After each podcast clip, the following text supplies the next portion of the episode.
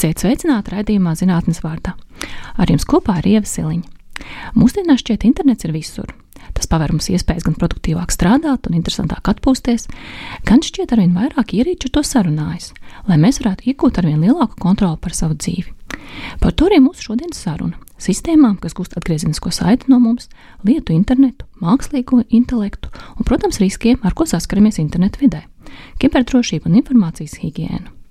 Datorzinātnieks Kristiāns Nesenbergs jau vairāk kā desmit gadus strādā Elektronikas un datorzinātņu institūtā, un šobrīd ir tur ne tikai pētnieks, bet arī vada kiberfizikālo sistēmu laboratoriju un ir zinātniskās padomes biedrs. Kristiāns strādā pie savas disertācijas viedo apģērbu jomā un plāno drīz iegūt doktora grādu. Viņš ir papildinājis zināšanas arī prestižajā Bufalo Universitātē Ņujorkas pavalstī, Amerikas Savienotajās valstīs, kā arī ieguvis Latvijas Zinātņu akadēmijas prezidenta atzinības rakstu. Krišāna Nesenberga pieredze darbā industrijā ir ļāvusi gan sekmīgi vadīt pētniecības grupu Elektronikas un datorzinātņu institūtā, organizēt projektu darbu, gan arī veiksmīgi piesaistīt pētniecības finansējumu projektu konkursos. Viņam ir vairāk nekā 30 zinātnisku publikāciju. Krišāns arī pasniedz kursus Latvijas Universitātē un Rīgas biznesa skolā, kā arī regulāri vada studentu bakalaura darbus. Viņš ir arī aktīvs zemesargs un patenta īpašnieks. Tātad raidījums zinātnes vārdā viesis šodien ir datorzinātnes doktora grāda kandidāts Krišāns Nesenbergs. Labdien! Den. Krišāna, kā tu nonāci datorzinātnē? À, tas ir uh, interesants jautājums. Uh, principā datori man interesē jau kopš viņas ieraudzīja tajā laikā, viņi vēl īsti nebija pieejami cilvēkiem. Tad, kad es augu, es praksē viņas ieraudzīju kaut kādā 6. un 7. klasē. Un uh, nu, kaut kādā ziņā man viņa aizrāva tāpēc, ka es nebiju tas sociālākais bērns. Un, ar datoru bija vieglāk sarunāties. Bet uh, otrs, otrs, protams, arī tas, ka es redzēju to lielo iespēju plašumu, ka es varu tam datoram kaut ko uzdot darīt, un viņš var to izdarīt varbūt ātrāk un kompleksāk nekā es pats to varētu izdarīt. Kāda šobrīd ir tavs pētnieciskās intereses? Mans pētnieciskās intereses principā ir tādas diezgan, diezgan plašas, bet visas koncentrējas par un ap to, kā cilvēki miedarbojas ar tehnoloģijām. Jo no vienas puses, es kā datorzinātnieks, man, protams, interesē informācijas apstrāde, kā kaut ko automatizēt, kā kaut ko padarīt gudrāku. No otras puses, tam nav nekādas jēgas, ja tas gudrums kaut ko neiedos uh, cilvēkam gala beigās. Un tad es cenšos to apvienot arī ar fizisko pasauli un to, kā cilvēki ar to miedarbosies. Nu, tu šobrīd esi kiberfizikālo sistēmu laboratorijas vadītājs. Kas tieši ir šīs kiberfizikālās sistēmas? Kiberfizikālās sistēmas tas ir tāds multidisciplinārs eh, pētījuma virziens, kurš eh, apvieno trīs lietas. To fizikālo pasauli, kurā mēs dzīvojam, no kuras mēs varam kaut ko uzzināt, iegūt kādu informāciju, apvieno ar informācijas apstrādi, tātad datorzinātni savā ziņā, Un tad uh, no šīs informācijas tiek pieņemti kaut kādi lēmumi un atgriezt atpakaļ fizikālajā pasaulē. Tā, tad, tā ir tāda kā cilpa, kas ir noslēgta, kur kaut kas notiek, mēs no tā iegūstam datus, padarām kaut ko gudrāku, pieņemam kādu gudru lēmumu un atgriežam atpakaļ fizikālajā pasaulē. Vai tu vari kādus piemērus nosaukt, kā tas dzīvē izskatās, kur mēs tos varam redzēt? Jā, uh, principā no vienas puses gandrīz visas mūsdienu iekārtas, ar ko mēs saskaramies, varētu uzskatīt par kiberfizikālajām sistēmām. Tomēr tādi dzīvākie piemēri noteikti būs tie, kur mēs tiešām miedarbojamies. Teiksim, kaut kāda viedā automašīna, kurai mēs uzdodam veikt kaut kādu uzdevumu, turēties joslā. Viņi to arī pati dara. Viņi skatās uz ceļu, ievēro, kur ir joslas un piekoriģē savu maršrutu. Vai varbūt kāda cita sistēma, kas, teiksim, mājās uztur uh, vidi ērtu, mums patīkamu. Nevis varbūt vienkārši kā termostats, kas būtu ļoti vienkāršs. Viņš varbūt tos datus nekur nesūta un neapstrādā, bet varbūt kaut kas, kas jau ņem vērā mūsu uzvedību, kad mēs pārnākam mājās, kāda temperatūra mums patīk, varbūt darbdienās, kāda brīvdienās. Tātad jau kaut kas kompleksāks, kas ņem datus no vidas. Apstrādā viņus, bet atgriež mūs atpakaļ vidē. Vai ir kādas jomas, kur īpaši vajadzīga šīs kiberfizikālās sistēmas?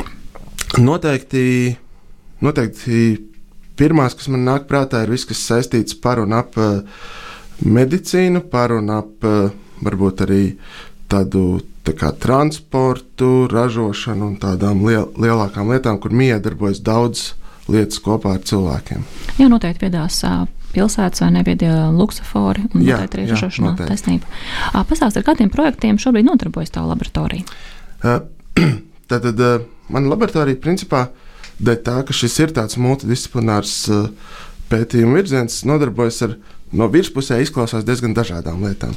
Tātad gan ar pētījumiem, kas saistīti ar kiberdrošību, gan ar pētījumiem, kas saistīti ar pašbraucošiem un viedajiem transporta līdzekļiem, gan arī ar pētījumiem, kas saistīti ar valkājumām sistēmām un medicīnas sistēmām. Un tu teici, ka nepietiek pašbraucošiem auto vienkārši iestādīt maršrutu un cerēt, ka viss būs labi. Kāpēc tā saki? Tātad tas lielais sāls, varbūt, kāpēc tas fiz kiberfiziskās sistēmas mums vispār vajag un nepietiek ieprogrammēt vienkārši tagad brauc taisni, tad pagriezies pēc pieciem minūtēm. Mēs tieši gribētu, vai ne? Kreisi, jā. Un tad atkal ir tas, ka īstā dzīve un tā fizikālā vide mums sabojā to mūsu prieku par perfekto plānu un perfekto pasauli. Tad, tad neviens plāns neiztur saskarni ar realitāti. Un tikpat labi varbūt mums ir nodilušākas riepas, kā mēs plānojam. Mēs braucam lēnāk un mēs pagriežamies par vēlu un iebraucam stabā. Vai varbūt ceļš ir nedaudz irdens, vai tur ir uzsniedzis sniegs vai ledus, vai varbūt vienkārši kaut kas ir nedaudz izļurkājies mūsu stūra sistēmā, un viņš pārāk vēlu pagriezīs to stūri. Tad mums nepārtraukti ir vajadzīgs skatīties, vai tas, ko mēs cerējām, ka mēs darām, ir tas, ko mēs tiešām darām, un no tā piekorģēt to mūsu plānu un atkal mēģināt viņu izpildīt. Vai tas nav sarežģītāk, kad iejaukts cilvēks, piemēram, šeit valkājumie sensori? Noteikti, bet savā ziņā tas ir arī liederīgāk un interesantāk, jo kamēr mums neiejaukt cilvēki, tad tā teikt, sauksim tos par robotiem. Viņi var darīt, ko viņi grib, bet mums tas īstenībā nav interesanti.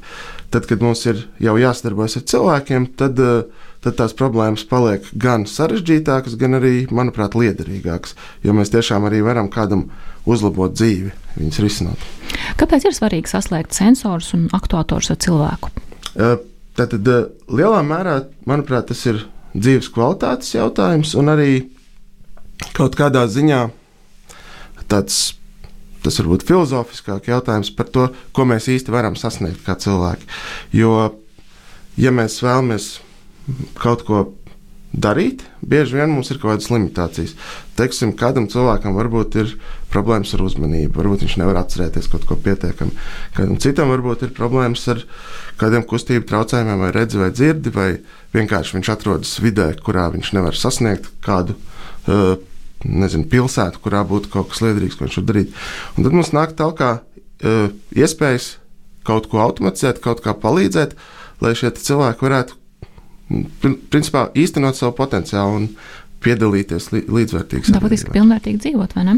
Tieši tā, un viens pilnvērtīgi dzīvot, un otrs, protams, ar laiku, ka mums visiem kopā rodas vairāk iespējas, kas vairāk varbūt atbrīvo brīvo laiku, ar cerību, ka mēs nākotnē varam būt varbūt vēl laimīgāk un produktīvāk reizē. Kā šīs lietas medicīnā palīdz? Medicīnā tad uh, ir, protams, dažādi varianti. Viens ir tīrās teiksim, sauksim viņus par medicīnas iekārtām, ko lietot medicīnas profesionāļi ārsti. Varbūt tur ķirurģijas zālē viņam kaut kas asistētu iekārta, robots varbūt padotu instrumentu pareizā brīdī vai parādītu labāku vietu, no kurienes pieskarties un griezt kaut ko. Bet uh, otra lieta ir uh, tā saucamās, nu, varbūt ne gluži medicīnas iekārtas, bet varbūt monitoringa vai uzraudzības iekārtas. Teiksim, vienkāršākais, ko varbūt cilvēki ir saskārušies, ir holters sirds, ka, ka kādam cilvēkam ir aizdoms par sirds problēmām, viņam iedod iekārtu, viņš viņu nesā līdzi, viņi ieraksta datus, un vēlāk viņš atdod ārstam, ārsts analizē. Un skatās, vai nav problēmas.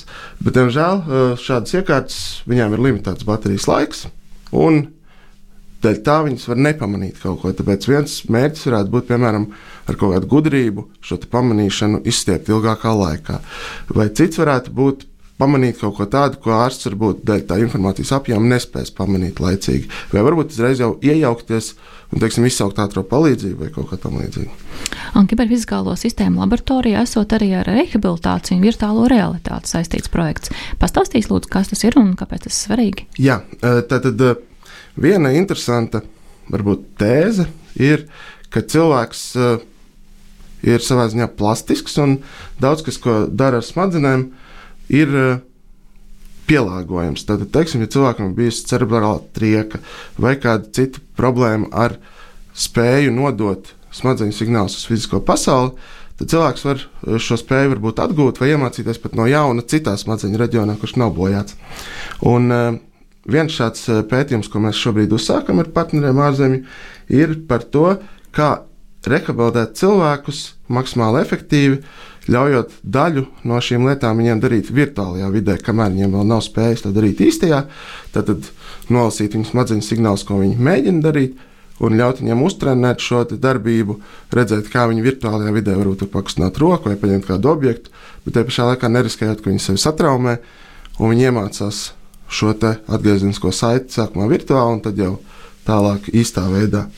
Vai tev arī pašam vai ģimenei šis ir nozīmīgs virziens, kādēļ tu par to domā un pēti? Uh, jā, tas īstenībā ir uh, varbūt pat savā ziņā iemesls, kāpēc es vispār par zinātni sāku domāt. Jo uh, man vecāks bija piesaists ratiņiem, tad viņš bija cietis motocikla avārijā jaunībā un, un visu laiku attiecīgi bija kaut kādā veidā no vienas puses ierobežots, bet no otras puses, kad viņu satiku, vienmēr man pārsteidza, ka viņš spēja bieži vien izdarīt vairāk nekā varbūt citi radinieki vai paziņas, ko es zināju, kuriem varbūt nebija šāda limita. Un tad tas, kas man palika no šī atmiņā, ir tas, ka rūpīgi, varbūt piedomājot, ieliekot prātu un izdomājot kaut kādu rūtu mehānismu, kas palīdz, vai braukt ar mašīnu, vai iekāpt mašīnā, vai vannā, vai vēl kaut kur. Var, var to dzīvi padarīt tādu, ka tu spēj tikt ar visu galā pats, un ka tā pašpietiekamība īstenībā ir ļoti svarīga. To tad vajag arī uh, attīstīt un palīdzēt un ielikt. Jā. Nu, noteikti sabiedrībā, kur vairāk seniori ir, vai ne? Mums visiem uz mūža nogali vajadzēs palīdzību. Tas pilnīgi noteikti, un tīpaši tāpēc, ka mums no, nu, tā, no uh, labas dzīves vidējiem cilvēkam mūžs paliek ilgāks, tad mums ir vairāk laika saskarties ar dažādām problēmām. Iesākumā, protams, traumas ir jaunības problēmas, bet uz vecumu mums nāk klāt dažādas kustību traucējumi, dažādi mentāli traucējumi. Ierobežojumi, trīcošas rokas un tā tālāk. Un e, noteikti tas ir e, kaut kas, kas paliek aizvien aktuālāk un aktuālāk. Vai tāda līdzīga pētījuma notiek arī pasaulē? Protams, tā kā pasaule ir pilna ar cilvēkiem, tad pasaulē arī visi ar daudz līdzīgām lietām nodarbojas, un mēs ikdienā saskaramies regulāri ar šādām lietām. Protams, lai tas tiktu, it īpaši medicīnas jomā apstiprināts, šie pētījumi ir diezgan ilgi, jo ir jāpārbauda iekārtas, viņas nav bīstamas un tā tālāk. Tas prasa desmitiem gadu. Bet uh, ik pa laikam uzrādās arī kaut kas sērts un vienkārši, teiksim, uh, kādu laiku atpakaļ bija karoti, kas palīdzēja Alzheimer slimniekiem ēst. Tīri tāpēc, ka viņa amortizē vibrācijas, viņam trīc rokas, viņa nevar noturēt karoti. Bet karote stabilizējas līdzīgi kā kameru žiroskopi, lai kamera būtu stabilāka, un viņš var ērti ar trīsošām rokām ēst un neizliet visu ārā. Un tāda tipa inovācijas, manuprāt, ir ļoti spēcīgas un ļoti atvieglo dzīvi. Kāds ir tavs prognozes, kā šīs tehnoloģijas attīstīsies nākotnē? Uh, Manas prognozes uh, varbūt kaut kādā ziņā ir mm, nedaudz savādākas. Klasiskajos šajos zinātniskās fantastikas scenārijos, kur mēs redzam, ka viss mākslīgais intelekts pārņem pasauli, visi cilvēki attiecīgi tiek kaut kā apspiesti un tam līdzīgi. Tas, kā es to uztveru, ir, ka mēs tieši otrādi no tādas tehnokrātijas virzīsimies prom uz cilvēku centrisku un cilvēkiem pakārtotu tehnoloģiju kopu, kas būs tāds dabīga, dabīgs fons, kas mums ļaus vienkārši patīkamāk un ērtāk dzīvot un darīt, ko mēs vēlamies. Ērtāk dzīve, jo tehnoloģijas mums visā palīdzēs. Uh, Cerams, cerams. Uh, bet uh, tur mums jāuzmanās no mums pašiem, jo mums patīk tehnoloģijas, kuras ir vienkārši trūls instruments. Pagriezt uz kaut kādiem mērķiem. Un, teiksim, ja tehnoloģijai mērķis ir nevis palīdzēt cilvēkam, bet nopelnīt uzņēmumam naudu, tad tas jau ir cits mērķis, un viņi to darīs savādāk. Un ar, ar to mums, diemžēl, jārēķinās. Šobrīd daļa no mūsu klausītājiem valkā viedā saprotas pulksteņus, kas uzkrāja datus par noieto soļu daudzumu, miegu, sirdsdarbību. Kāds ir tava kā šis jums pētnieku viedoklis par šīm ierīcēm? Jā, tur, ja godīgi, ir Mm, dalīts man tas viedoklis. No vienas puses, dati ir forši, mums gribās uzzināt vairāk par sevi. No otras puses, tur ir dažādi riski un dažādas problēmas, ko mēs pat neapzināmies. Viens no tiem, pats triviālākais, protams, mēs sūtām visus savus datus parasti kaut kur uz mākoni un tā tālāk. Tas nozīmē, ka par mums jau var kaut kādu meta informāciju apkopot, uzzināt, kāda ir mūsu paradumi. Kad tu gulēji, kad staigāji? Kad tu gulēji, vai tiešām tev pienākas tik lēta veselības apdrošināšana, ja īstenībā vakaros mēdz lieki kaut ko apēst un skatīties televizoru līdz vienam naktī un tā tālāk. No otras puses, papildus problēma ir tā, ko mēs varbūt neapzināmies, ka šīs ierīces ir pārsvarā ļoti neprecīzas. Mēs ļoti bieži redzam, ka teiksim, ir mūsu kaut kāds pulsometrs, valkājums, izskatās viss forši, bet pieslēdzot pie lielas stacionāras iekārtas un vēl kontrolētos apstākļos, ir pavisam savādāk. Tā kā arī ar to ir jārēķinās. Tātad šobrīd vismaz tās valkājumās iekārtas tomēr ir hobija, hobija līmeņa iekārtas un vairāk uh, tādas varbūt interesantiem. Bet trešais, kas ir vis, varbūt savā ziņā bēdīgākais no šī visa, ir, ka uh, pētījumi rāda, ka tas, ka mēs vairāk datus uzzinām par sevi, nenozīmē, ka mēs mainām savus paradumus un uzlabojam kaut ko. Ļoti bieži cilvēki ļoti citīgi seko, bet atkrīt vecajos paradumos. Vienkārši viņi uzzina, ka viņiem iet slikti, tas viņiem rada varbūt kaut kādu pat vēl depresīvu sajūtu, un viņi varbūt vēl sliktāk sāk sportot un mazāk. Tā kā es teiktu, ka šīm iekārtām jums ir jābūt konkrētam mērķim. Teiksim, es gribu noskriet maratonu. Tad un tad, tik ilgā laikā, tad es nopērku sporta pulksteni, mēru, cik bieži cik ātri paskriet, kā man tas progress veidojas. Bet ir tāda interese pēc, man vienkārši gribās zināt, tas drīzāk būs par sliktu nekā par labu. Ja tev būtu šāda ierīce pašam jāizvēlas, kam tu pievērst uzmanību? Es noteikti pievērstu uzmanību pirmkārt jau, lai viņi dara tiešām to, ko man vajag, nevis kaut ko citu. Ļoti bieži cilvēki iekrīt uz to, ka jo vairāk iespēju, viņš mērīs šitos, sūtīs datus tur, ja nu rādīs bildītas, jā, ja nu noder. Bet katra šī iekārta, ie, iespēja iekārtā nozīmē, ka cilvēki ir ieguldījuši darbu, laiku. Tas principā nozīmē gan izmaksas, gan arī vairāk vietas, kur iekārta ir nenostrādāt vai kļūdīties, kompleksāku sistēmu. Tad man interesē, lai es maksimāli spētu saprast, tomēr, ko tā iekārta reāli darīs un kāpēc, lai es varētu viņu paļauties. Un, protams, lai viņi ir piemēroti tam mērķim. Un, ja es zinu, protams, es rēķinos, ok, es šos datus sūtīšu Google vai Facebookam labi, bet tad es vismaz zinu, ko es daru. Nevis, ka tas man pārsteidz nesagatavot pēc pieciem gadiem. Vai ir kāda starpība sūtīt šos datus Facebook vai Google vai kaut kur? Ir kāda serveri, kas ir drošāki, kam tu vairāk uzticētos un kam nē?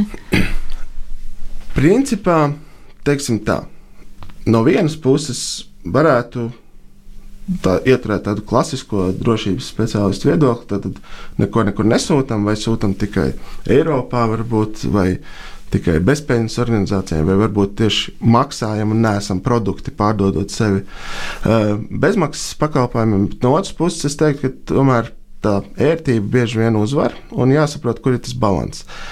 Un jāsaprot, kas ir tas, kāds uzņēmums dabū naudu. Teiksim, Google ir interesēta, lai mēs redzam reklāmas. Okay, tas nav tas skaistākais, bet varbūt nav tas sliktākais arī. Mēs mēs saprotam. Facebook ir ieinteresēts, lai mēs maksimāli daudz laika pavadām Facebook. Un Lai tā rādītu reklāmas. It kā, bet tomēr tur, tur, tur bija šī savādāk. Jo, lai gan viņi var rādīt mums reklāmas, viņiem primāri interesē mūs tur noturēt. Un noturēšana nozīmē spēlēt uz mūsu tā kā, nu, emocijām, jūtām. Tieši tā, emocijām, jūtām savā ziņā sliktāko pusi. Un tur vairs nav nekāda interese par to, kas ir patiesa. Arī Google, protams, tas princips uh, savā ziņā var aizpeldēt. Bet, ja viņus vairs neizmantos, lai atrastu informāciju, jo nevarēs neko atrast, ja neticēs šai informācijai, un neticēs, tad, tad viņus beigs lietot. Viņi nav pilnīgi ieinteresēti sabotēt pašus savus rezultātus. Lai gan viņi, protams, ir ieinteresēti viņus ietekmēt, ja viņiem piemaksā, ka varēs atrast tieši šo somu vai tieši to lietu. Bet, jā, es, es teiktu, ka jāskatās uz uh, iestādes darbiem, uz to, kas notiek.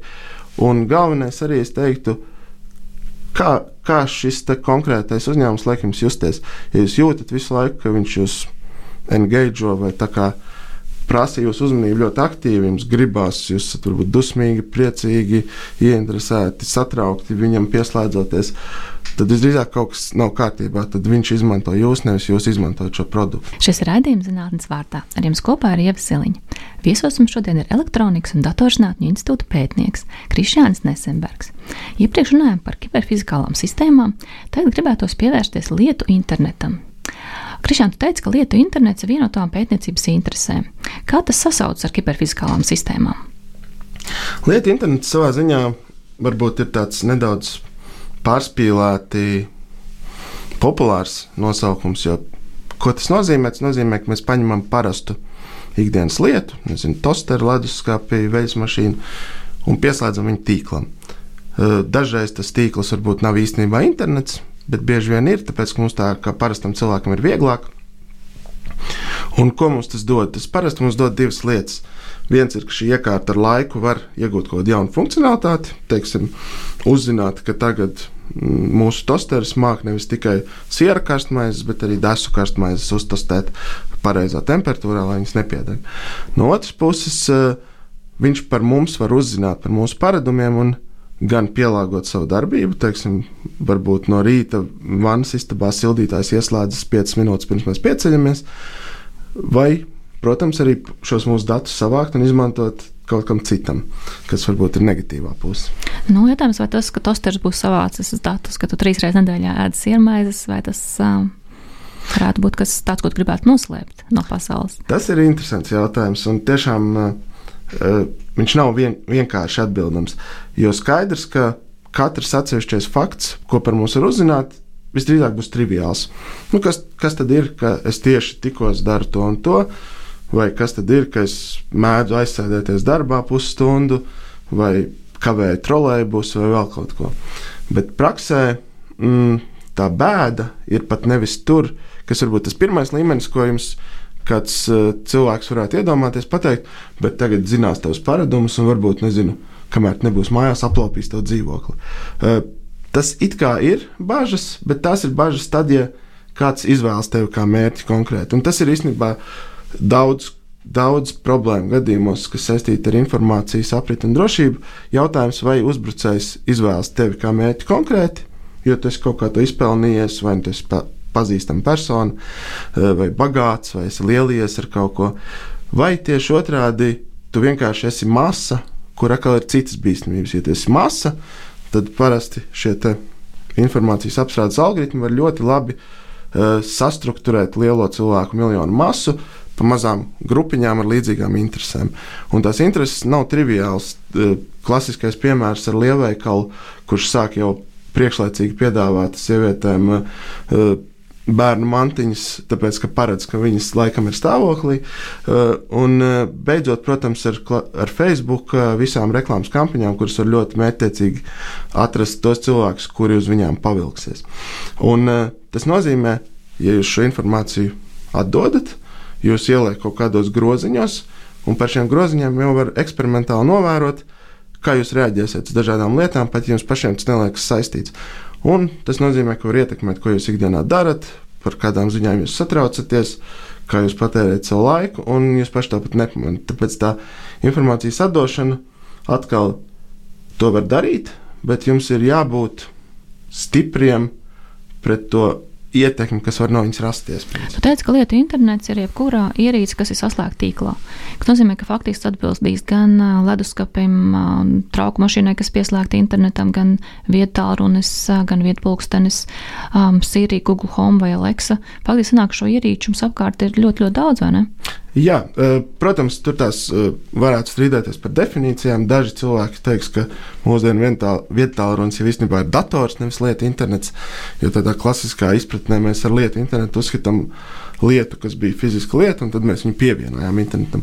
Bet e, tie, kas no mums ir vecāki un atcerās, ka bija telefoni, kas nebija pie interneta, saprot, ka savā ziņā definīcija atbilst. Un, jā, tieši tā šīs iekārtas parādās aizvien vairāk un vairāk. Un, uh, kas varbūt ir nu, tas eh, gan interesantais, gan problemātiskais, ka bieži vien mēs pat vairs nezinām. Mums varētu būt iekārtas mājās, kuras mēs vienkārši neapzināmies, ka viņas īstenībā grib kaut kādā tīklā ar kaut ko sarunāties. Mēs nopirkām televizoru, bet viņš ik pa laikam ziņo, kā mēs viņu lietojam, eh, ja mēs viņu esam pieslēguši un tam līdzīgi. Tad, eh, tas vienkārši nozīmē, ka mums kā patērētājiem nākas būt varbūt izglītotākiem, ja mēs gribam zināt, kas notiek. Vai ir vēl kāda plusa un mīnusa tehnoloģija, izņemot to, ka jā, ērti, jauki lietot un jā, viņš savāc datus? Uh, ir, protams, tādas interesantas tendences, kā, uh, ka mēs varam atklāt jaunas lietas un, un radīt pozitīvus efektus. Teiksim, mēs varētu no milzīga datu apjoma secināt kaut ko par kaut kādām slimībām, varbūt atklāt, kā viņas labāk ārstēt, vai varbūt par cilvēku paradumiem un optimizēt pilsētu, kur, kur jābūt ceļiem, kur jābūt velosipēdiem, kokiem un tā tālāk. Uh, bet uh, šeit ir tā lielā problēma, kā uzzināt kaut ko par sabiedrību kopumā. Ne neuzzinot kaut ko par individu, jo tas arī ir, ko mums šis GDPR nosaka, regulējums. Tad mērķis ir, lai par pašu individu mēs nevaram lietas uzzināt. Un ir, ir dažādas arī jaunas metodes, kuras tiek attīstītas, kas mums ļauj informāciju apkopot, bet nepateikt kaut ko par individu, un tas ir diezgan interesants. Bet, nu, protams, sarežģītas un jaunas, un redzēsim, kas no tā sanāks. Kurš, kurš šos datus glabā un kas būtu mums jādara, lai mēs savu privātumu pasargātu? Jā, vai vairāk pasargātu? Kurš kur tos datus glabā, ir lielais jautājums. Un, tāds mārketings, kas ir veidojis šo nosaukumu cloud vai mākonis, tas savā ziņā ir sabojājis mūsu to izpratni, kur tos datus glabā. Jo praksē mākonis ir vienkārši dators, kurš nestāv pie tevis. Tad, tad viņš varbūt stāv uh, kaimiņa mājā, varbūt viņš stāv Amazonas noliktavā, uh, bet tas vienalga ir dators. Un, uh, kur viņš ir, tas mums, protams, ļoti interesē. Mēs noteikti nevēlamies, lai mūsu dati stāv pie kaimiņa. Varbūt pat labāk pie kaimiņa, kā varbūt kādas nedraudzīgas uh, valsts uh, serveru telpā. Bet, uh, jā, tad jautājums ir, kas, kur tie dati stāv, kas viņus varētu izmantot un kādiem mērķiem.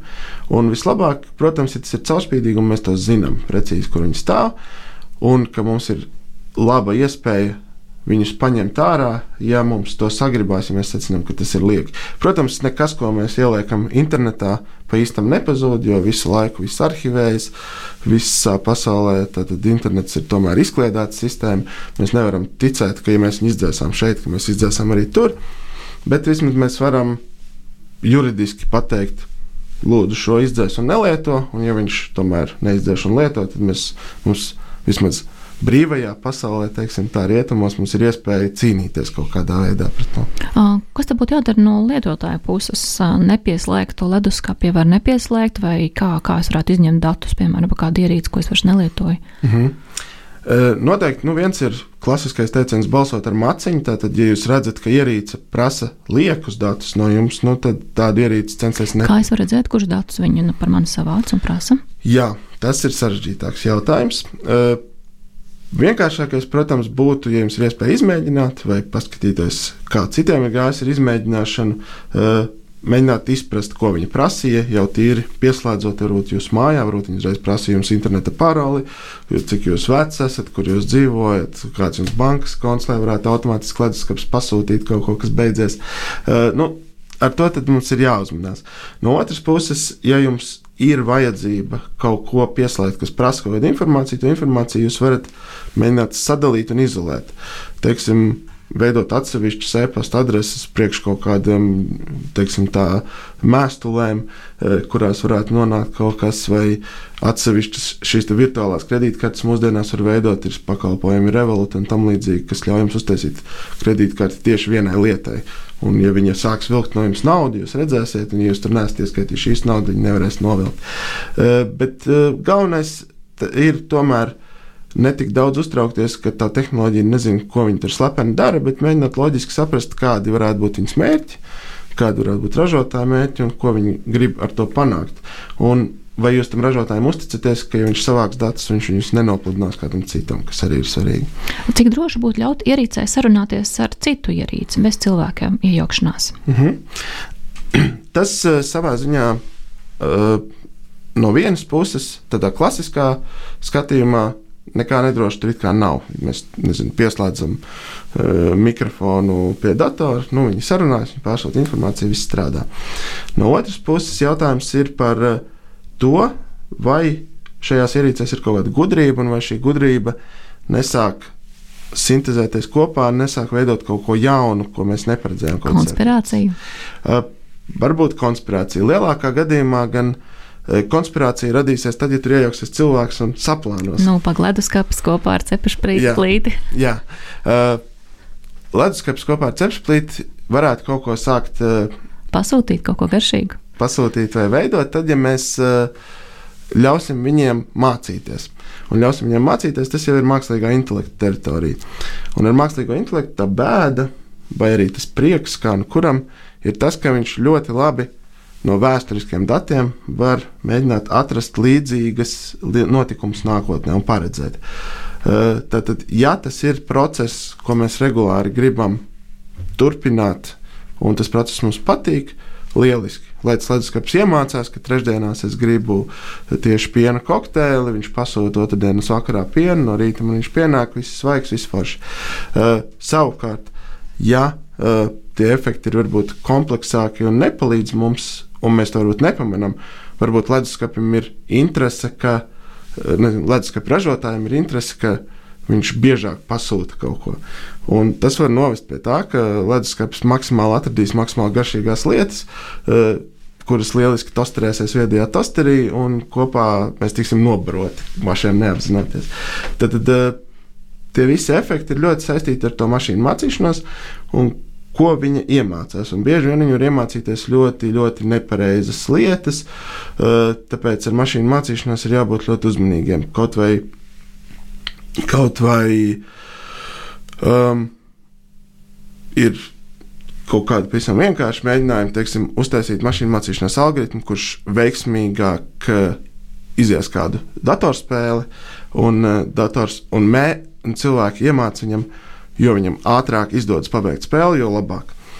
Un tas, ko mašīnu mācīšanās algoritms var iemācīties, ir vienkārši izslēgt spēli.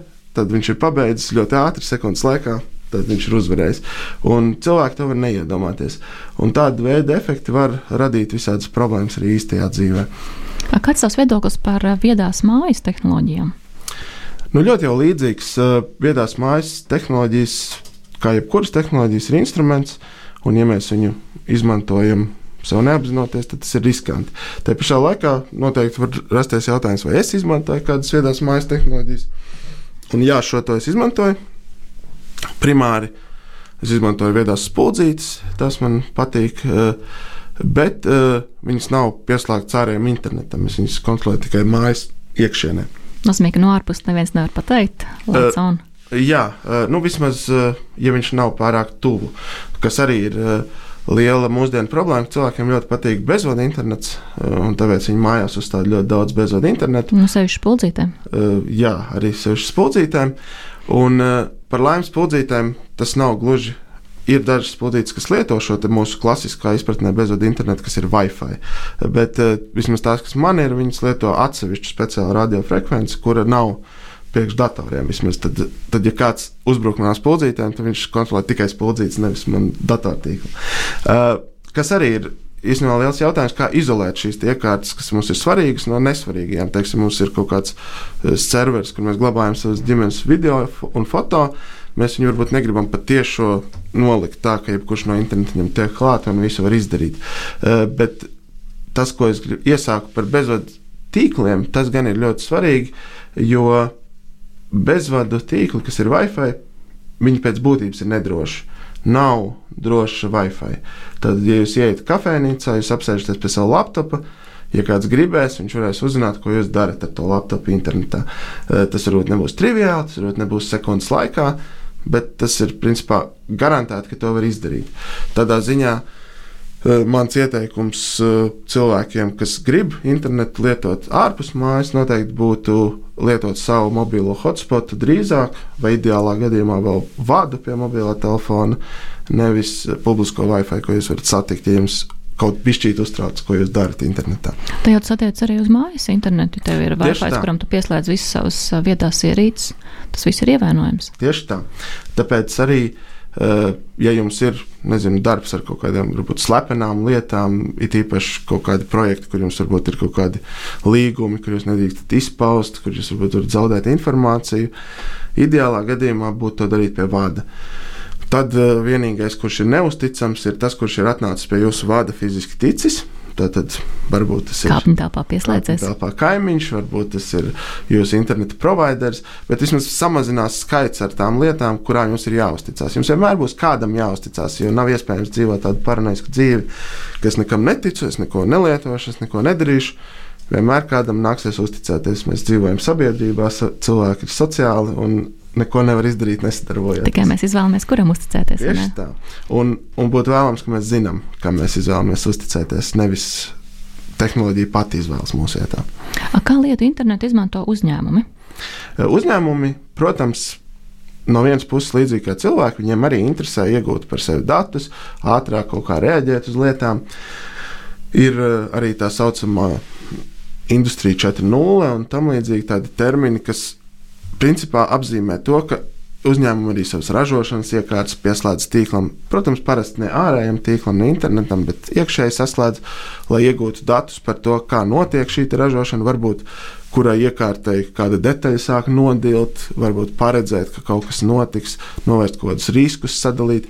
Mēdz darīt arī tādu lietu mūsdienās, kas paliek populāra, saucās digitālais dvīnis, ka mēs pilnīgi to iekārtu uztaisām tādu pašu arī virtuālajā vidē, simulējam, ko viņi darīs tur, un no tā skatāmies, vai kaut kas nenojūgs īstajā dzīvē. Un, ja notiks, tad darām kaut ko savādāk.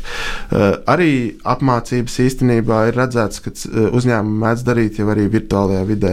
Teiksim, cilvēks sākumā visu kaut ko izmēģina, izskatās, ka viņiem notiek, bet viņi nevar salauzt to īsto iekārtu, jo, ja viņi parāda nepareizo kloķi, tad tikai virtuāli kaut kas salūst. Un, protams, klasiski viss, vis, ko vien mēs varam iedomāties, ir informācijas apmaiņu tīklā pārdošanu, tīklā lietu un tā tālāk.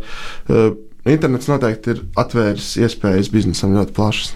Kādā virzienā attīstās lietu interneta tehnoloģijas, ko mēs nākotnē varētu sagaidīt? Nākotnē, nākotnē noteikti mēs sagaidīsim to, ka, ja vien mēs gribam, jebko varēs pieslēgt internetam, Tas, vai mēs to gribēsim, būs ļoti atkarīgs no mūsu varbūt, individuālās pieredzes. Protams, ka nopietnāk uzņēmumi centīsies neslēgt visu pie interneta. Individi varbūt eh, būs mazāk izvēlīgi un izlapuši. Bet uh, skaidrs arī tas, ka bieži vien cilvēki tomēr secina, ka nebija jau jēga nebija jēga pārmaksāt par kaut ko, ka man vējas mašīna tagad nevis vienkārši izmazgā vēļu, bet viņa pīkst uz telefona jā, īziņu. īziņu un pīkst par to, cik viņa ir veiksmīgi izmazgājusi veļu un cik tas ir forši. Un, un tas varbūt pat sāk traucēt. Teiksim, man mājās ir plīts virsma elektriskā, eh, kura pīkst tad, ja es bišķīt šķību noliek katliņu. Nu, man personīgi griebjās. es otrais tādu nepirku. Varētu arī sūtīt īsiņas tev par to. jā, jā, jā. Nu, un, eh, un tam līdzīgi. Tā kā bieži vien beigās izrādās, ka ne, nevajadzēja jau visām lietām būt gudrām un pieslēgtām pie interneta. Un varētu cerēt, ka ar laika gaitā tas izkristalizēsies. Tas tiešām ir svarīgs. Jā. Šis raidījums zinātnes vārdā ar jums kopā ir Ieva Siliņa. Viesosim šodien ir datorzinātnieks Krišjānis Nesenbergs. Iepriekš runājām par lietu internetu, turpināsim sarunu par kiberdrošību, informācijas higiēnu. Saka, Krišjāni, kur sakņojas tava interese par kiberdrošību? Man interese par kiberdrošību ir divpusēji. No vienas puses, eh, tas ir eh, saistīts ar drošību vispār. Tā kā man interesē vienmēr kaut kā uh, no bērnības jau. Tā kā es uzaugu 90. gados, kad mums tikko bija mainījusies valsts iekārta, bija visādas jukas, bija bīstami uz ielām, viss kaut kas notika, krāpšanas un tā tālāk. Uh, tad tāda drošības jautājuma, lai cilvēks var justies droši, tas man vienmēr ir licies svarīgi. Gan, gan personīgajā dzīvē, gan valsts uh, jautājumos. No otras puses, kas ir varbūt man bija tāds negaidītāks, tas, ka tehnoloģijas vispār var izmantot savādāk nekā viņas bija domāts izmantot, tas man arī likās tāds ļoti varbūt saistošs, saistoša joma. Es bērnībā nevarēju saprast, kā tas var būt, ka re, kur ir datorsistēma, kur ļauj lietotājiem darīt to un to, kā tas var būt, ka var viņai likt darīt kaut ko citu, nekā viņa plānota uzprogrammēt. Un tad jau varbūt kaut kā arī uh, jaunības tādā romanticismā man vienmēr piesaistīja varbūt informācijas brīvības jautājumi un tur uh, informācijas drošības tādā ziņā kā hakeri, cik viņi var visu kaut ko ļaunos uzlauzt un palīdzēt labajiem un tā tālāk. Un, uh, un tas kopumā tādā. Tas viss kopā ir veidojies ap to manu interesi ap tehnoloģijām un cilvēkiem. Un, un, Un neizbēgami tā drošība ir mums svarīga. Kā, jā, tas, tas tur vienmēr ir bijis. Vai tas ir iemesls, kādēļ tu iestājies zemesardzē? Uh, savā ziņā tad, tad, tas, kāpēc es galu beigās iestājos zemesardzē, īstenībā bija saistīts ar 14. gada Ukraiņas jautājumiem, bet agrāk es biju bijis jaunsardzē, un es biju arī redzējis, nu, kas tur notiek, un ka tā ir laba lieta. Es noteikti ieteiktu visiem cilvēkiem būt zemesardzē kaut vai tikai tāpēc, ka tas palīdz uh, saprast, kas mums ir svarīgs un būt noturīgiem pret problēmām dzīvē. Uh, bet jā, man pašam personīgi tas noteikti bija gan iespēja palīdzēt citiem efektīvāk, gan iespēja varbūt sakārtot sevi, savas domas, zināt, kas ir svarīgs, iemācīties pārvarēt kaut kādas grūtības, kas varbūt tādā izolētā IT cilvēka dzīvē nav tik vienkārši iespējams, eh, jo tomēr tā fiziskā pasaule, kad tu saproti, ka, tu, ka tev ir jātiek cauri šitiem dubļiem un jāguļ naktas mīnus 10 grādos eh, ar sasalušiem zābakiem, tas ir savādāk nekā, nekā datorā. Bet eh, jā, īsumā laikam tā. Pie kādiem kiberdrošības projektiem šobrīd strādā tava laboratorija? Uh, Ne visu var, protams, stāstīt.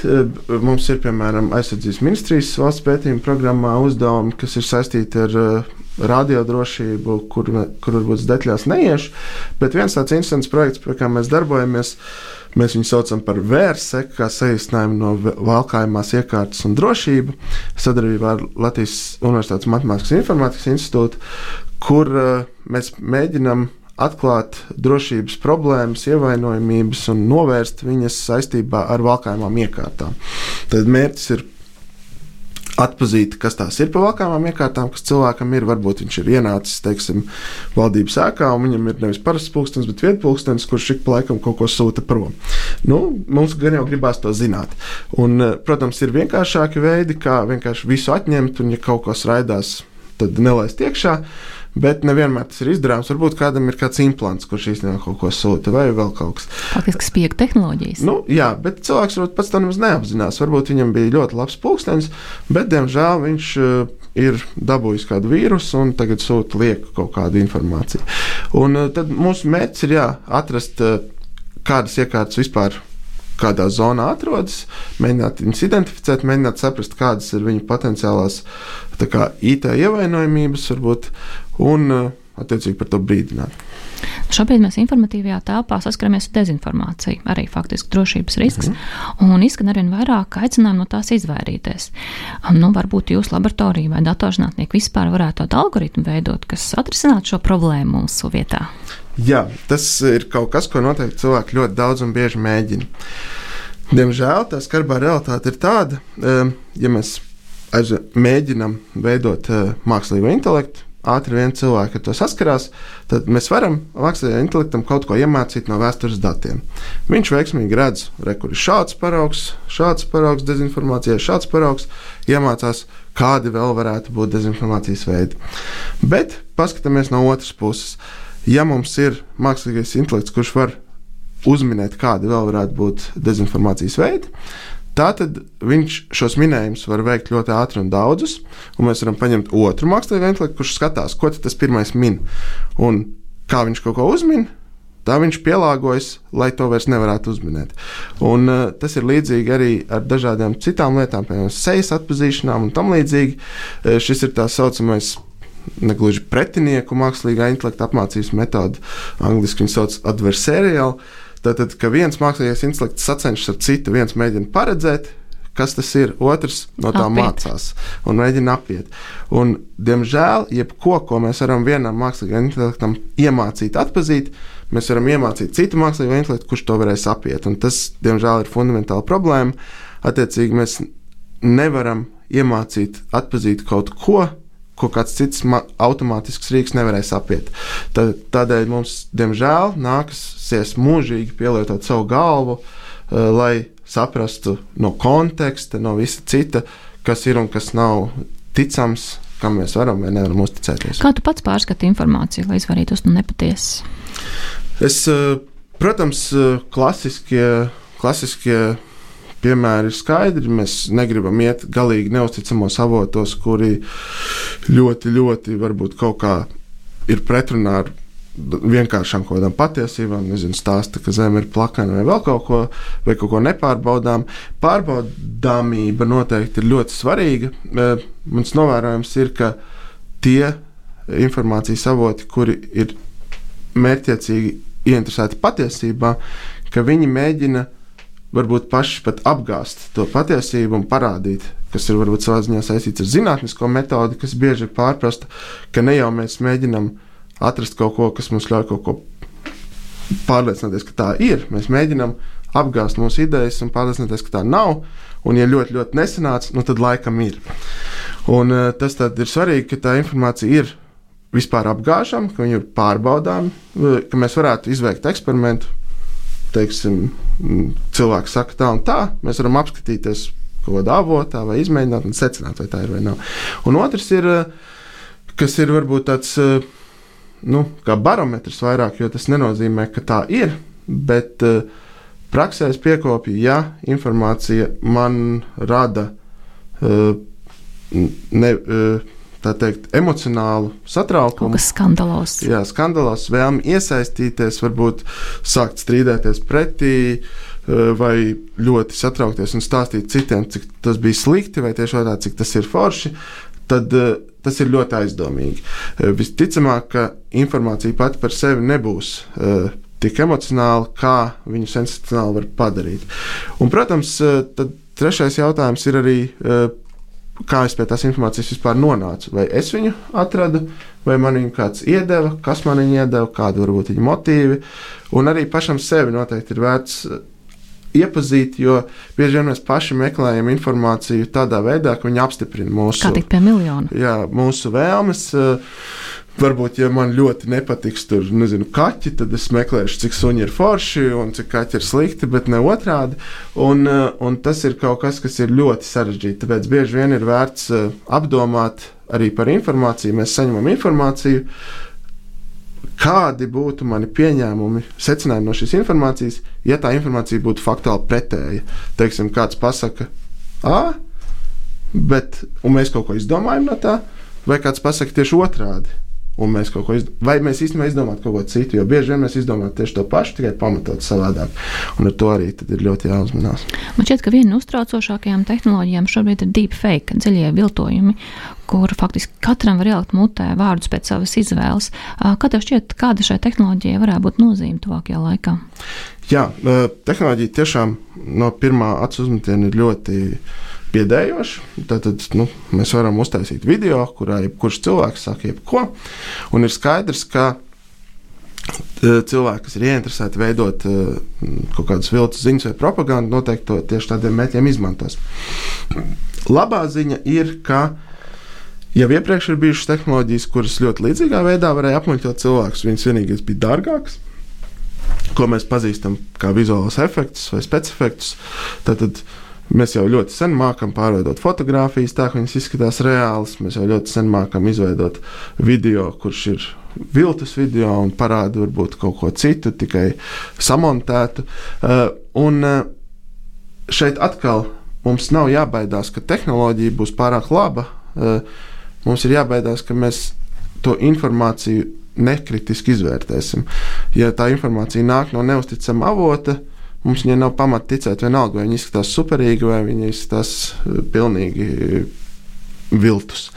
Uh, un otrādi. Eh, pat ja, un, ja tas ir ticams avots, tad, protams, otrādi. Bet atkal avoti mēdz mainīties. It īpaši, ja tās ir iestādes, viņām varbūt mainās kaut kādas vērtības un tam līdzīgi. Kā, nu, diemžēl informācijas kritiska izvērtēšana ir tas, kas ir ļoti grūts darbs, ilgstošs darbs. Un, un vienmēr kāds no mums kaut kur kļūdīsies, un ar to ir jārēķinās, ka mēs dažreiz kļūdīsimies. Labāk atzīt uzreiz, nevis iebraukt vēl dziļāk un dziļāk un baidīties atzīt sev. Tam, jā. Šobrīd ir populāri sociālajos tīklos izvietot daudz savas fotografijas, īsos video. Saki, vai šie materiāli var tikt izmantot kaitnieciskos mērķos, nolūkos, lai mēs nepadarām sevi par mērķi? Protams, pilnīgi noteikti. Tas uh, vienkāršākais, protams, ir tas pats, ko es jau iepriekš minēju par to, ka no, par mums var uzzināt vairāk informācijas. Mēs saliekam bildes, uzzinām, kas, kas ir tie, ar ko mēs esam pazīstami, cik mums bērni, kādā mājā mēs dzīvojam, vēl kaut ko. No otras puses, tas tie paši riski arī izriet. No tā var mērķēt uz mums ar ļoti specifiskāku informāciju. Savukārt, trešā puse varbūt ir tāda interesantāka. Jautājums ir, par ko mēs baidamies un kādi būs tie rezultāti. Un vai tas, ka par mums nav vispār nekādas informācijas, ir labi. Jo ik pa laikam var saskarties arī ar situācijām, kad cilvēki ļoti rūpīgi piedomā pie informācijas eh, neievietošanas. Viņi neko nekur nav likuši. Tas šķiet aizdomīgi citiem. Jā, viens ir, ka tas var šķist aizdomīgi, bet ir, ir vēl viena problēma. Kāds cits var radīt par tevi viltus informāciju ļoti viegli, jo nav pretī to tevi slikto faktu tik daudz. Tad no, ieliek vienu bildi internetā, kur tu kaut ko uh, rupji uzvedies, un tu neesi nekad līdz bildes, ka īstenībā esi normāls cilvēks. Visiem viss būs skaidrs, ka tu esi rupšs, nekrietnils. Un tu nevarēsi pēc tam attaisnoties. Tāpēc uh, kaut kādā ziņā informāciju par sevi izplatīt nav slikti, bet mums ir jāsaprot, kas no viņas izriet, kā, kā mēs sev parādām. Un kāpēc mēs to darām? Nevis tikai tāpēc, lai justos labi, ka kāds pasakā, o, cik smuki izskaties, bet nu, kāds ir mērķis, ko mēs ar to pasakām. Kas būtu bērniem jāatgādina par um, sociālo tīklu lietošanu un informāciju par sevi internetā? Jā, bērni ir īstenībā ļoti sarežģīts jautājums. Man pašam divi, un uh, abi tādā vecumā, ka viņi ļoti mīl internetu. Uh, šeit atkal, kā jau visur, nav vieglas atbildes. Uh, es neticu tam, ka bērnus var norobežot no interneta un nelaist, un tad viņi ļoti labi izaugs, jo viņi atradīs ceļu, kā to izdarīt. Un, ja viņi to atradīs bez vecāku padoma, tad viņi, protams, daudz vieglāk iebrauks auzās. Tāpēc nu, tā mana pieeja ir noteikti viņiem ļaut tur būt kaut kādās, varbūt, robežās. Uh, es viņiem cenšos skaidrot, kas ir, kas ir vērtīgi, kas nav, kas ir bīstami. Un skaidrs, ka informācijas izplatīšana par sevi, tīpaši bērnībā, ir viena no potenciāli riskantākajām lietām. Mēs arī redzam mūsdienu sabiedrībā, ka cilvēki ir jaunībā kaut ko nogrēkojušies, un tas tiek uzraksts, un tad viņus atlaiž no darba un tam līdzīgi. Uh, kas ir varbūt tāds īpatnēji, jo, jo vienkārši mēs neesam to pieraduši pie tā, cik daudz informācijas par vienu cilvēku var atrasties internetā. Un arī mēs neesam varbūt kā sabiedrība vēl tik toleranti un saprotoši, ka visi cilvēki kļūdās. Bet jā, bērni var ielikt ļoti daudz ko, un tad nu, ir uzdevums viņiem iemācīt, kas ir bīstami, kas nav, iemācīt, kā algoritmi var mēģināt viņus tomēr apmānīt un ievilināt, uzspiest uz linkiem. Arī pieauguši cilvēki ļoti bieži tiek apmānīti un e-pastā uzspiež uz kāda linka, piekrīt kaut kam, neizlasot, kam viņi piekrīt un dabū pilnībā zaudētu savu informāciju vai datoru un tam līdzīgi.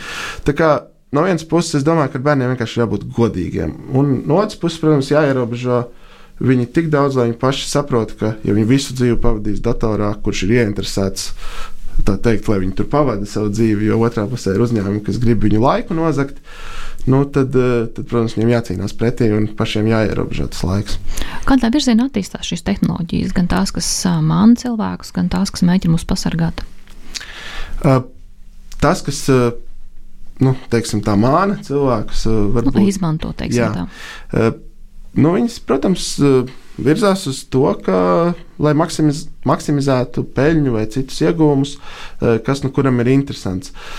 Ja mēs runājam par varbūt nevis komerciāliem mērķiem, mānīšanas, bet citiem, kas varbūt ir kāda dezinformācija, tad noteikti primārais mērķis ir uh, radīt uh, tā saucamo uh, nu, ir visiem, visām pusēm taisnības sajūta, kas ir ļoti izplatīta. It īpaši mūsdienu tādā tolerantajā, modernajā rietumu sabiedrībā mēs ticam, ka ok, šeit ir viedoklis, tur ir viedoklis. Varbūt ļaujam viņam izrunāties, visi viedokļi ir ar savām pozīcijām un ticam. Bet nu, dzīvē patiesībā ir, patiesībā nav. Viņai, protams, ir gradienti un skala, viņa ir mazāk, vairāk ticama, katram ir sava perspektīva.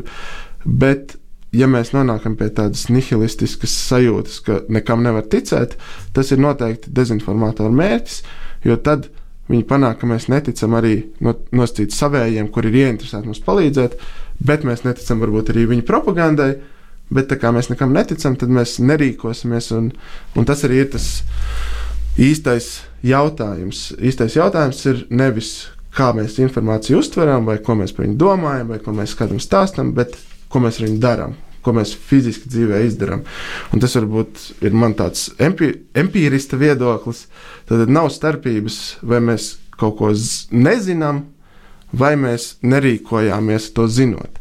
Uh, Pilnīgi nekādas atšķirības. Vienā gadījumā mēs nerīkojāmies, otrā gadījumā mēs nerīkojāmies. Mēs varam domāt, mēs esam gudri un zinājām. Bet tā tad jautājums, kā tas ietekmē mūsu īsto uzvedību, vai mēs visu dienu nosēdējām pie datora, tāpēc ka šī informācija mūs tur ievilka, vai mēs neizgājām ielās protestēt pret kaut kādu tur uh, varu, kura dara kaut kādas mūsu vēlmēm neatbilstošas, morālē neatbilstošas lietas. Efekts ir tas pats, vai nu mēs to darījām, vai nē. Un tad jautājums, tā informācija, kā to panāca, varbūt nav tik svarīgs. Nopēcot sarunu, kādus praktiskus veidus tu ieteiktu mūsu klausītājiem, kā sevi pasargāt no kiberincidentiem vai uzbrukumiem? Nu, uh, pirmais, protams, ir saprast, kur ir mūsu, tā, kur ir mūsu tās vājās vietas, ko mēs vispār rādām tīklam, rādām sabiedrībai, kas mums ir tās viedās iekārtas, kur mums ir kaut kāda lietotāja konta internetā un tā tālāk. Vienkārši zināt. Otrs ir tomēr viņus izolēt vienu no otra. Mēs negribam, lai visas, visa mūsu tīkla būtība ir vienā maisiņā. Tad, ja mēs pazaudējam savu e-pastu, mēs vairs nekur netiksim, ja mēs visur ejam caur e-pastu, vai ja mēs pazaudējam Facebook un visur autentificējamies ar Facebook. Tas pats. Tātad mēs gribam kaut kādā veidā šos riskus sadalīt. Otra lieta. Protams, klasiskais jautājums par parolēm. Visu laiku visi drošības speciālisti atgādina, vajag stipras paroles un tā tālāk. Ir, ir īstenībā paroļu mīti, ko varbūt nevajag uzķerties, tīpa, bet tur jūs kā privāti cilvēki diez vai kaut ko mainīsiet, jo tas ir sistēmas administratora pusē. Piemēram, bieži mainīt paroles īstenībā galīgi nav laba doma. Paroles vajadzētu mainīt tad, kad viņas ir aizdomas, ka viņas ir uh, zaudētas. Uh, jo kāpēc tā nav laba doma? Ja mēs viņus bieži mainām, mēs viņus bieži aizmirstam, uh, tad mēs viņus bieži resetojam vai dabūjam jaunas. Un šis resetošanas posms īstenībā ir visbīstamākais, jo tur tai paralēli ir jāceļo tādai, kāda viņa bija, nevis aizkriptētai vien, vienā virzienā. Plus arī tas, ka mēs viņu noteikti kaut kur pierakstam, aizmirstam, beigās nekur netiekam un tā tālāk. Un tad mēs uzliekam vieglas paraules, ko viegli atcerēties. Tas īstais solis būtu uzlikt drošu paroli, un droša paroli ir nevis sarežģīti ķeburi, kurus mēs nekad neatcerēsimies, bet tādi, kur pirmkārt mēs atceramies, otrkārt ir gara. Garš, garums ir svarīgs. Tas varbūt kaut kāds mīļākais citāts no Raina, tikpat labi. Uh, varbūt tas nav ideāli, ja uzbrucējs zina, ka jums patīk rainis, bet praksē uzminēt dators viņa nevarēs, jo viņa ir pārāk gara. Un uh, trešais, viņai būtu jābūt unikālai tomēr katrā vietā, kur jūs lietojat. Un tā unikalitāte, protams, skaistā ideālā gadījumā varētu būt uh, pilnīgs nejauša ciparu kombinācija, bet praksē pietiks. Daudz uzbrukumu ir tādi, ka automātiski robots paņem e-pastus, kam viņš ir nozadzis paroli vienā vietā un izmēģina citās vietās to pašu paroli. Pietiks, ja viņi kaut kādā bišķīt atšķirsies, teiksim, jūs zinat, ah, šo paroli lietoju. Uh, tādā uh, Delfu loginā, tad Delfi man asociējas ar nezinu, kaut ko uz D, tur dēļiem, tad es pierakstu tur dēļus klāt, un es atcerēšos, ok, tur Delfi tas, uh, un kaut kādā veidā nedaudz papildina to savu super sarežģīto paroli, lai viņi nav vienādi. Protams, ja ļaunais uzbrucējs mērķies uz jums, viņš apskatīsies, o, šeit es dabūju tādu paroli, te tādu, un viņi atšķirās tikai pa trīs burtiem. Nu, viņš eksperimentēs, viņš tiks galā. Bet uh, tas tā varbūt ir tā dzīves mācība, ka, ja kāds ir jūs izvēlējies kā mērķis, viņš kaut kā tiks galā. Slikā gadījumā viņš pieklāvēs jums pie durvīm rāmuru un palūgs at, at, atslēgt to jūsu paroli. Tā kā tas var būt mazāk bīstami. Bīstamākais ir tiešām, ka jūs kā, kā nezināmu masu, tā teikt, atbruņo un piekļūstat informācijai, nozog un izspiež no jums naudu un tā tālāk. Un, protams, nespiest uz, nespiest uz linkiem, it īpaši uzmanīgi lasīt, kas ir linka tekstā, jo bieži vien viņas par vienu burtu atšķirās, un jūs nepamanāt, un neinstalēt programmas, ko jūs nezināt, neinstalēt pirātiskas programmas. Kas ir kaut kas, ko es jaunībā arī esmu darījis, bet tas ir viens no lielākajiem veidiem, kā uh, pazaudēt kontroli pār savu datoru. Un, uh, Bet savukārt, ja jūs visu zinat, ko jūs darat, tad iespējams jums pat neinteresē uzinstalēt antivīrusu, kurš ar šādu tad var palikt neusticams. Bet tas jau ir jautājums no jūsu pieredzes un izpratnes. Bet praksē lielākoties vai nu jūs kaut ko uzinstalēsiet, vai nu jūs kaut kam piekritīsiet, vai nu jūs kaut kur uzspiedīsiet, un tas ir tas veids, kā jūs pazaudēsiet kaut ko. Mhm, paldies, sargāsim sevi. Krišāna patiesi priecājas tajiem atklājumiem, novēlu panākumus arī turpmāk. Atgādinu, ka raidījumā zinātnes vārdā bija elektronikas un datorzinātņu institūta pētnieks Krišāns Nesenbergs. Studijā bija Ieva Siliņa. Lai sekot jaunumiem mūsu radio, atcerieties piesakot at radio naba kanāliem, sociālajos tīklos Facebook, Twitter un Instagram. Lai jums visiem droša nedēļa! Atā!